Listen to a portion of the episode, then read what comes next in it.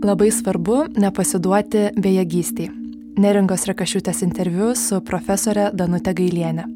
Teksto autorė Neringa Rekašiutė, kalbos redaktorė Dangė Vitkienė. Skaitau aš, Rasa Siminaitė. Vasario 24 dieną pabudome pasikeitusiame pasaulyje. Rusijai barbariškai užpuolus Ukrainą, o Ukrainai narsiai ir įkvepiančiai ginant savo laisvę ir teisę egzistuoti, vis dažniau pasigirsta balsų, sakančių, kad ukrainiečiai šiandien kovoja už viso vakarų pasaulio laisvę ir demokratiją. Baltijos šalise ir Lenkijoje ypač skaudžiai reaguojame į karą Ukrainoje, susitapatindami su ukrainiečiais ir pikdami dėl kitų valstybių abejingumo. Rusijos pradėtas karas Ukrainoje iš lietuvių istorinės atminties iškėlė kolektyvinę traumą dėl Sovietų sąjungoje patirtų represijų ir okupacijos. Vis dažniau savęs klausėme, o kas, jeigu toliau mūsų eilė? Kaip išbūti šioje karo realybėje ir nuolatinėje grėsmėje, nekenkiant savo bei geriausiai padedant ukrainiečiams? Apie tai kalbuosi su klinikinės psichologijos dėstytoja, kolektyvinių traumų tyrėja, profesorė Danute Gailienė. Neringa. Šį kartą noriu pradėti pokalbį nuo jūsų knygoje Ką jie mums padarė Lietuvos gyvenimas traumų psichologijos žvilgsniu aprašyto pavyzdžio apie Norvegijos laivus antrajame pasaulinėme kare. Vieni laivai buvo kariniai, o kiti prekybiniai, bet paruošti karui galinčiam užklupti bet kurią sekundę. Kai kurie iš šių priekybinių laivų taip niekada ir nebuvo užpulti. Pasibaigus karui ir norvegų psichologams pradėjus tirti jūreivių potrauminio streso sindromą, nustatytas įdomus reiškinys. Tų laivų, kurie nekariavo ir nebuvo užpulti, o jūreiviai nepatyrė jokio realaus fizinio pavojaus, potrauminės pasiekmes psichikai buvo lygiai tokios pat gilios. Kodėl taip nutiko? Danutė. Todėl, kad žmogus turi protą ir vaizduotę. Ypač tokiais kritiniais momentais kaip dabar, mūsų protas gali būti ir mūsų draugas, ir priešas. Tai išskirtinai žmogui būdinga situacija. Būtent dėl proto mes galime ilgą laiką išbūti psichofiziologinėje streso būsenoje. Kai patiriame tokį stresą, įsijungia smegenų aktyvumas, organizmo biologiniai procesai yra trys biologiniai reagavimo į stresą mechanizmai - pulti, bėgti ir sustingti. Biologinės būtybės šiais trimis būdais reaguoja į pavojų, bet žmonės gali užstrikti minėtose mechanizmuose net ir pavojui praėjus. Vakarų pasaulyje gyvename įtemptą gyvenimą, jame daug streso, mes norime pasiekimų ir galime įsivaizduoti grėsmės, pavyzdžiui, kas nutiks, jei man nepasiseks karjera. Pandemijos pradžioje įvairiuose interviu mane vis pausdavo pandemiją įvardyti kaip kolektyvinės traumos laiką. Nekarto neištariau šio žodžio, nes tai buvo ne trauma, o didelis stresas, nerimas, neapibrieštumas. Taip, kai kuriems individams, patyrusiems skaudžias netektis, tai buvo traumuojanti patirtis, tačiau ne kolektyviniu lygmeniu žvelgiant kolektyviniu lygmeniu, nebuvo tyčinio žudimo grėsmės, nebuvo griovimo grėsmės, niekas nebuvo užpultas ginklu, valstybė ir jos institucijos negriuvo, visos tęsė savo darbą. Šiuo metu yra kita situacija - reali grėsmė, realios žūtis, realios bombos, realūs gimdymo namų bombardavimai. Ir mes žinome, kad mums ši grėsmė taip pat reali.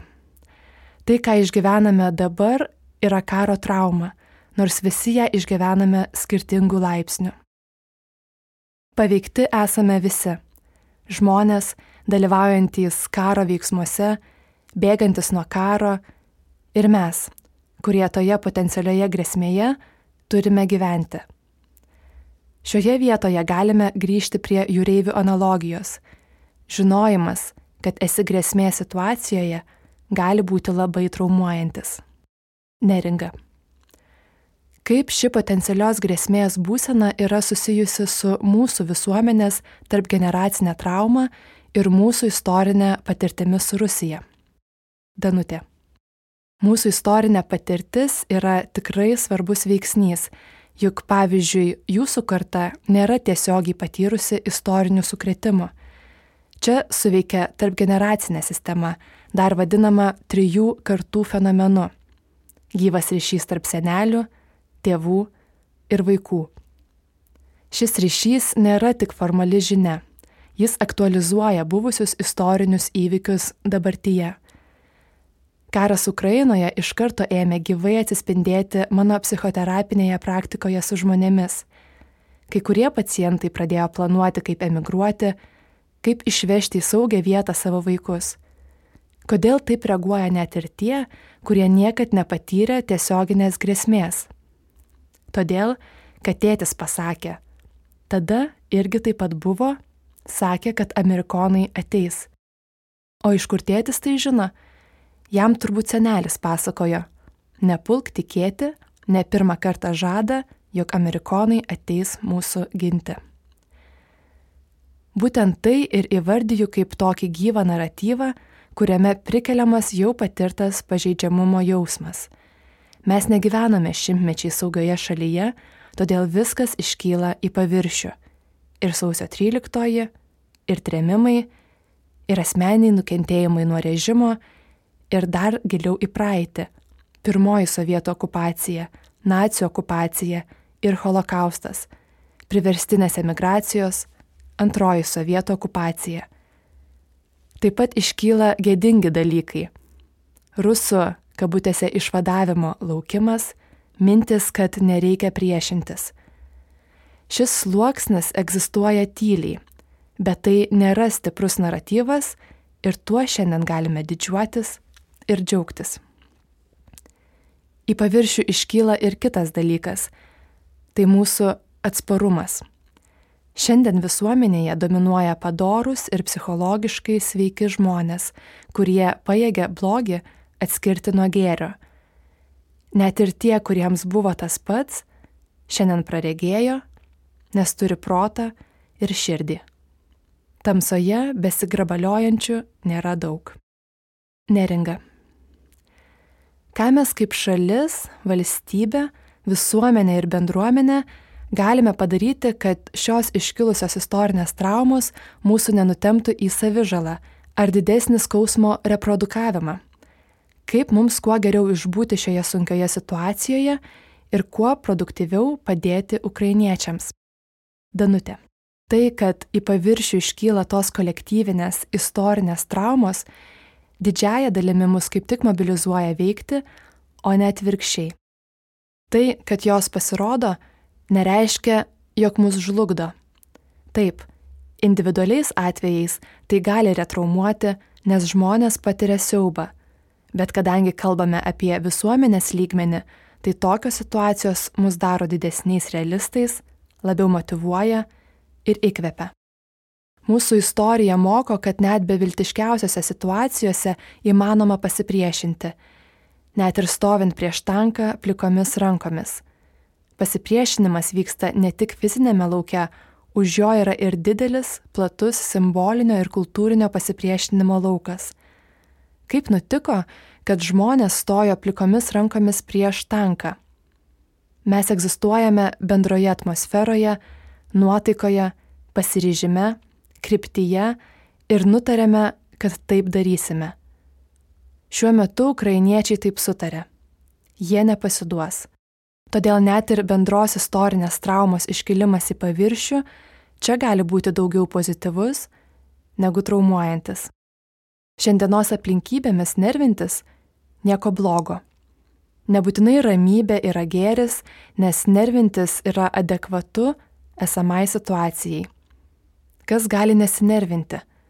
Padidėjęs jautrumas, paštrėjusios emocijos, bejėgystės jausmas ir nervingumas.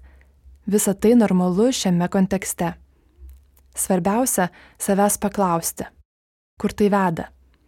Ar tai demoralizuoja, ar kaip tik motivuoja veikti, prisidėti, padėti, o kartais ir negalėti padėti, pasisaugoti. Aš pastebiu, kad žmonės dabar linkia nebevertinti kasdienybės.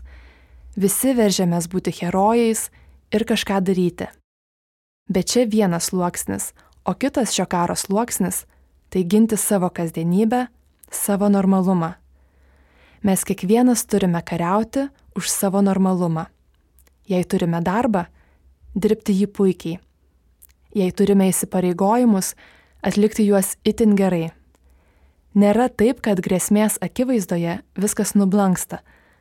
Galbūt nublanks, jei reikės imti šautuvą į rankas, bet čia kita istorija. Nereikia kurti istorijų, kurių nėra.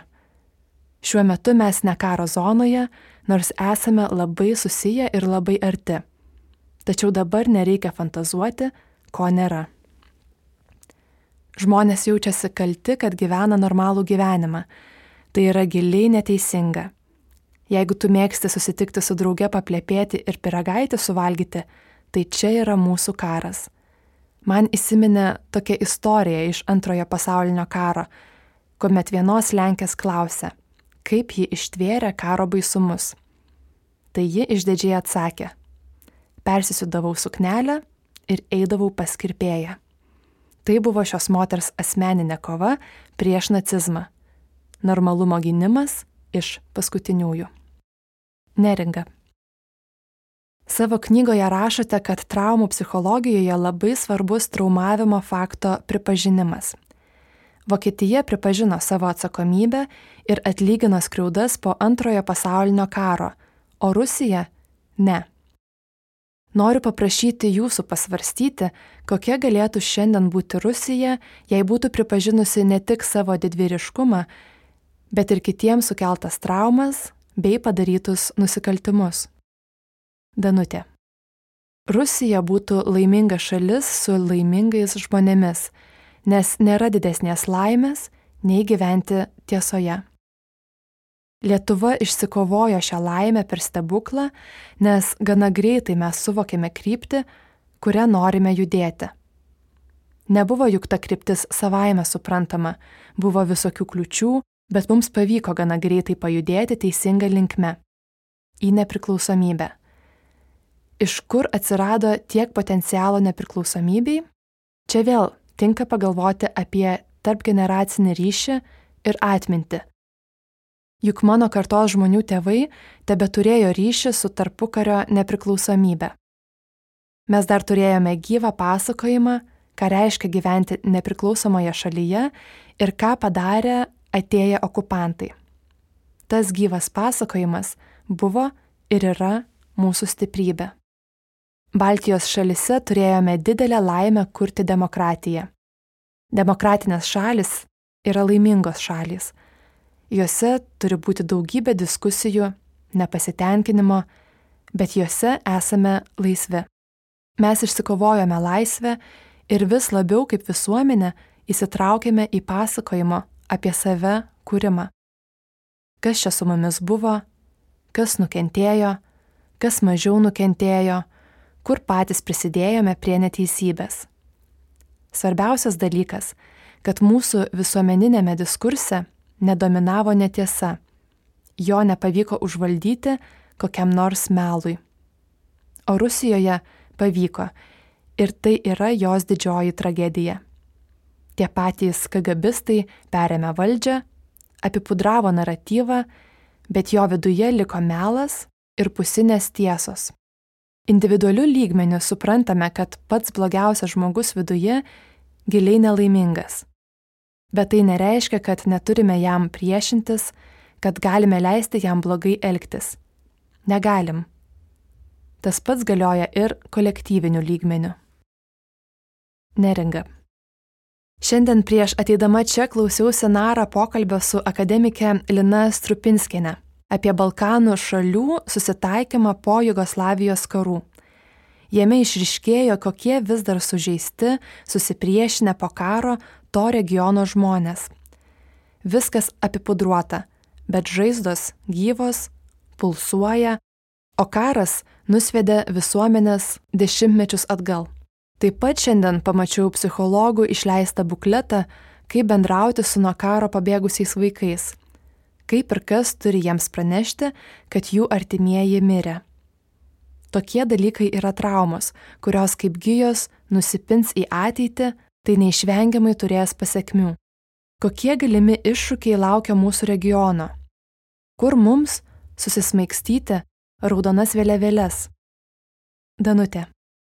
Taip, karas vyksta ir mes jau esame paliesti karo traumos. Karo pasiekmes yra sunkios ir įvairios, jos trunka ilgai.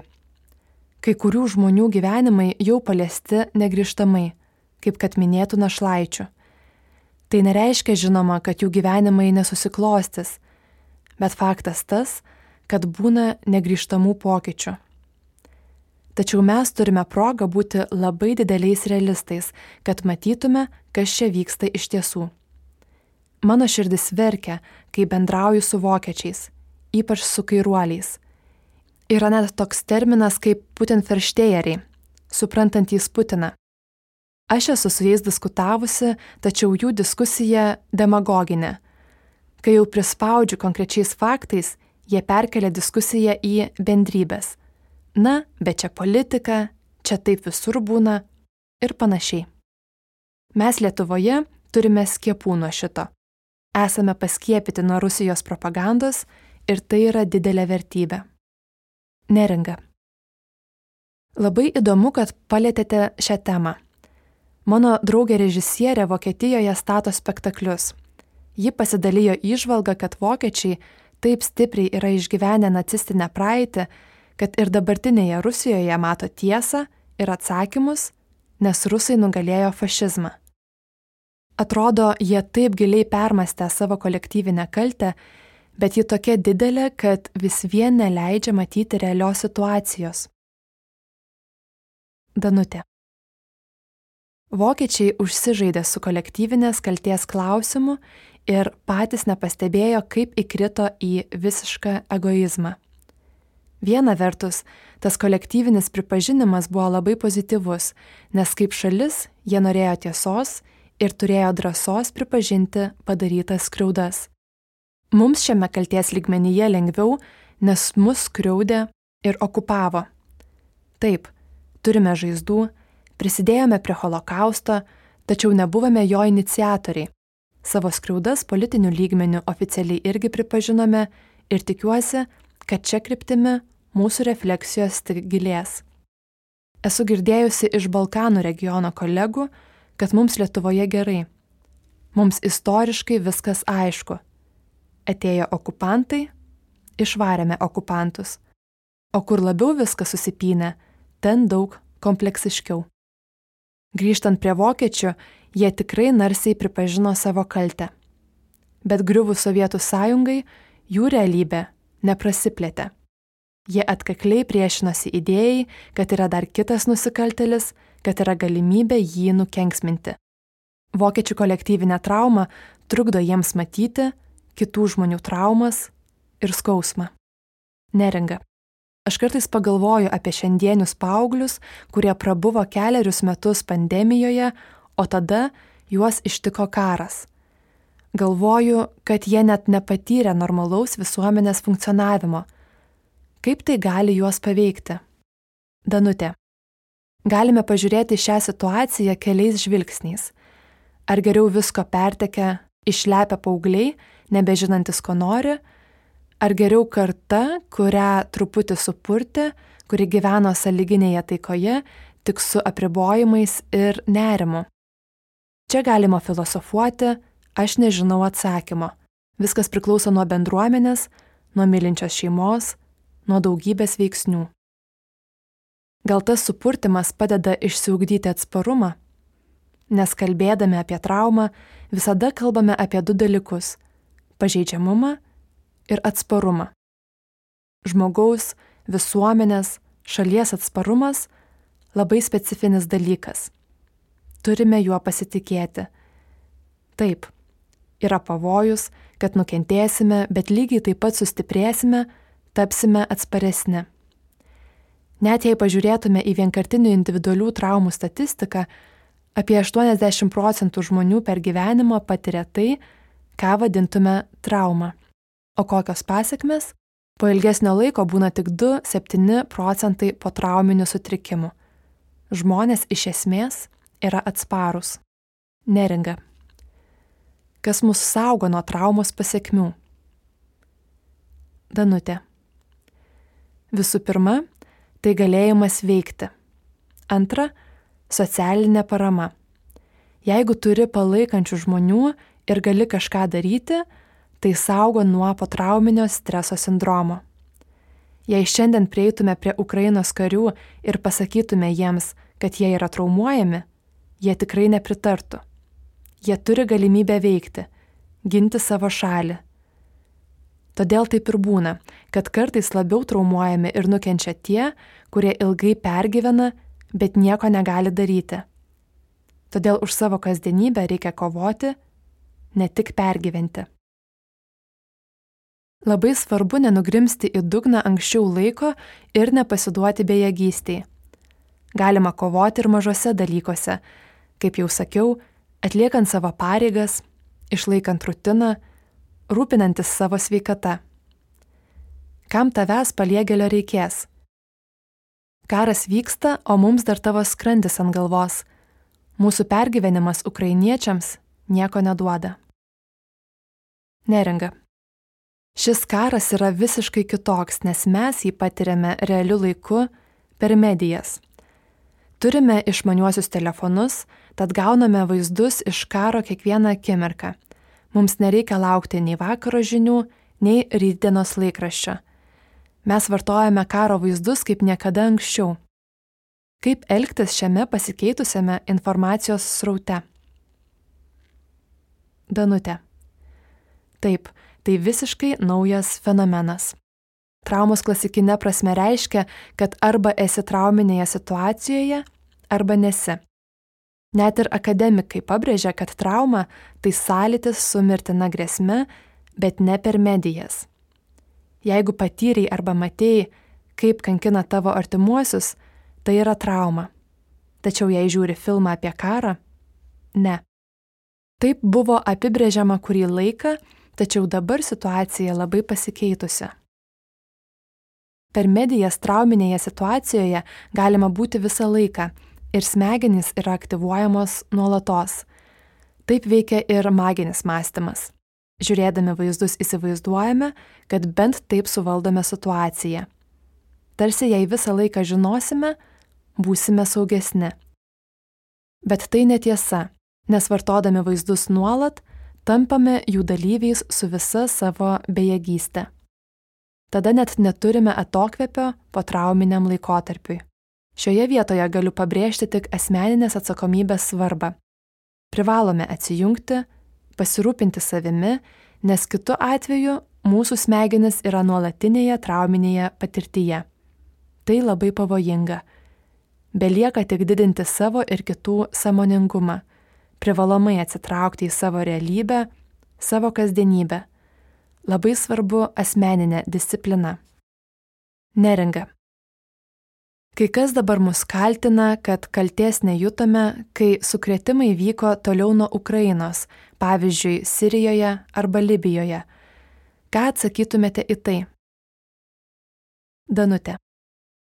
Na, čia labai natūralus kaiminystės efektas.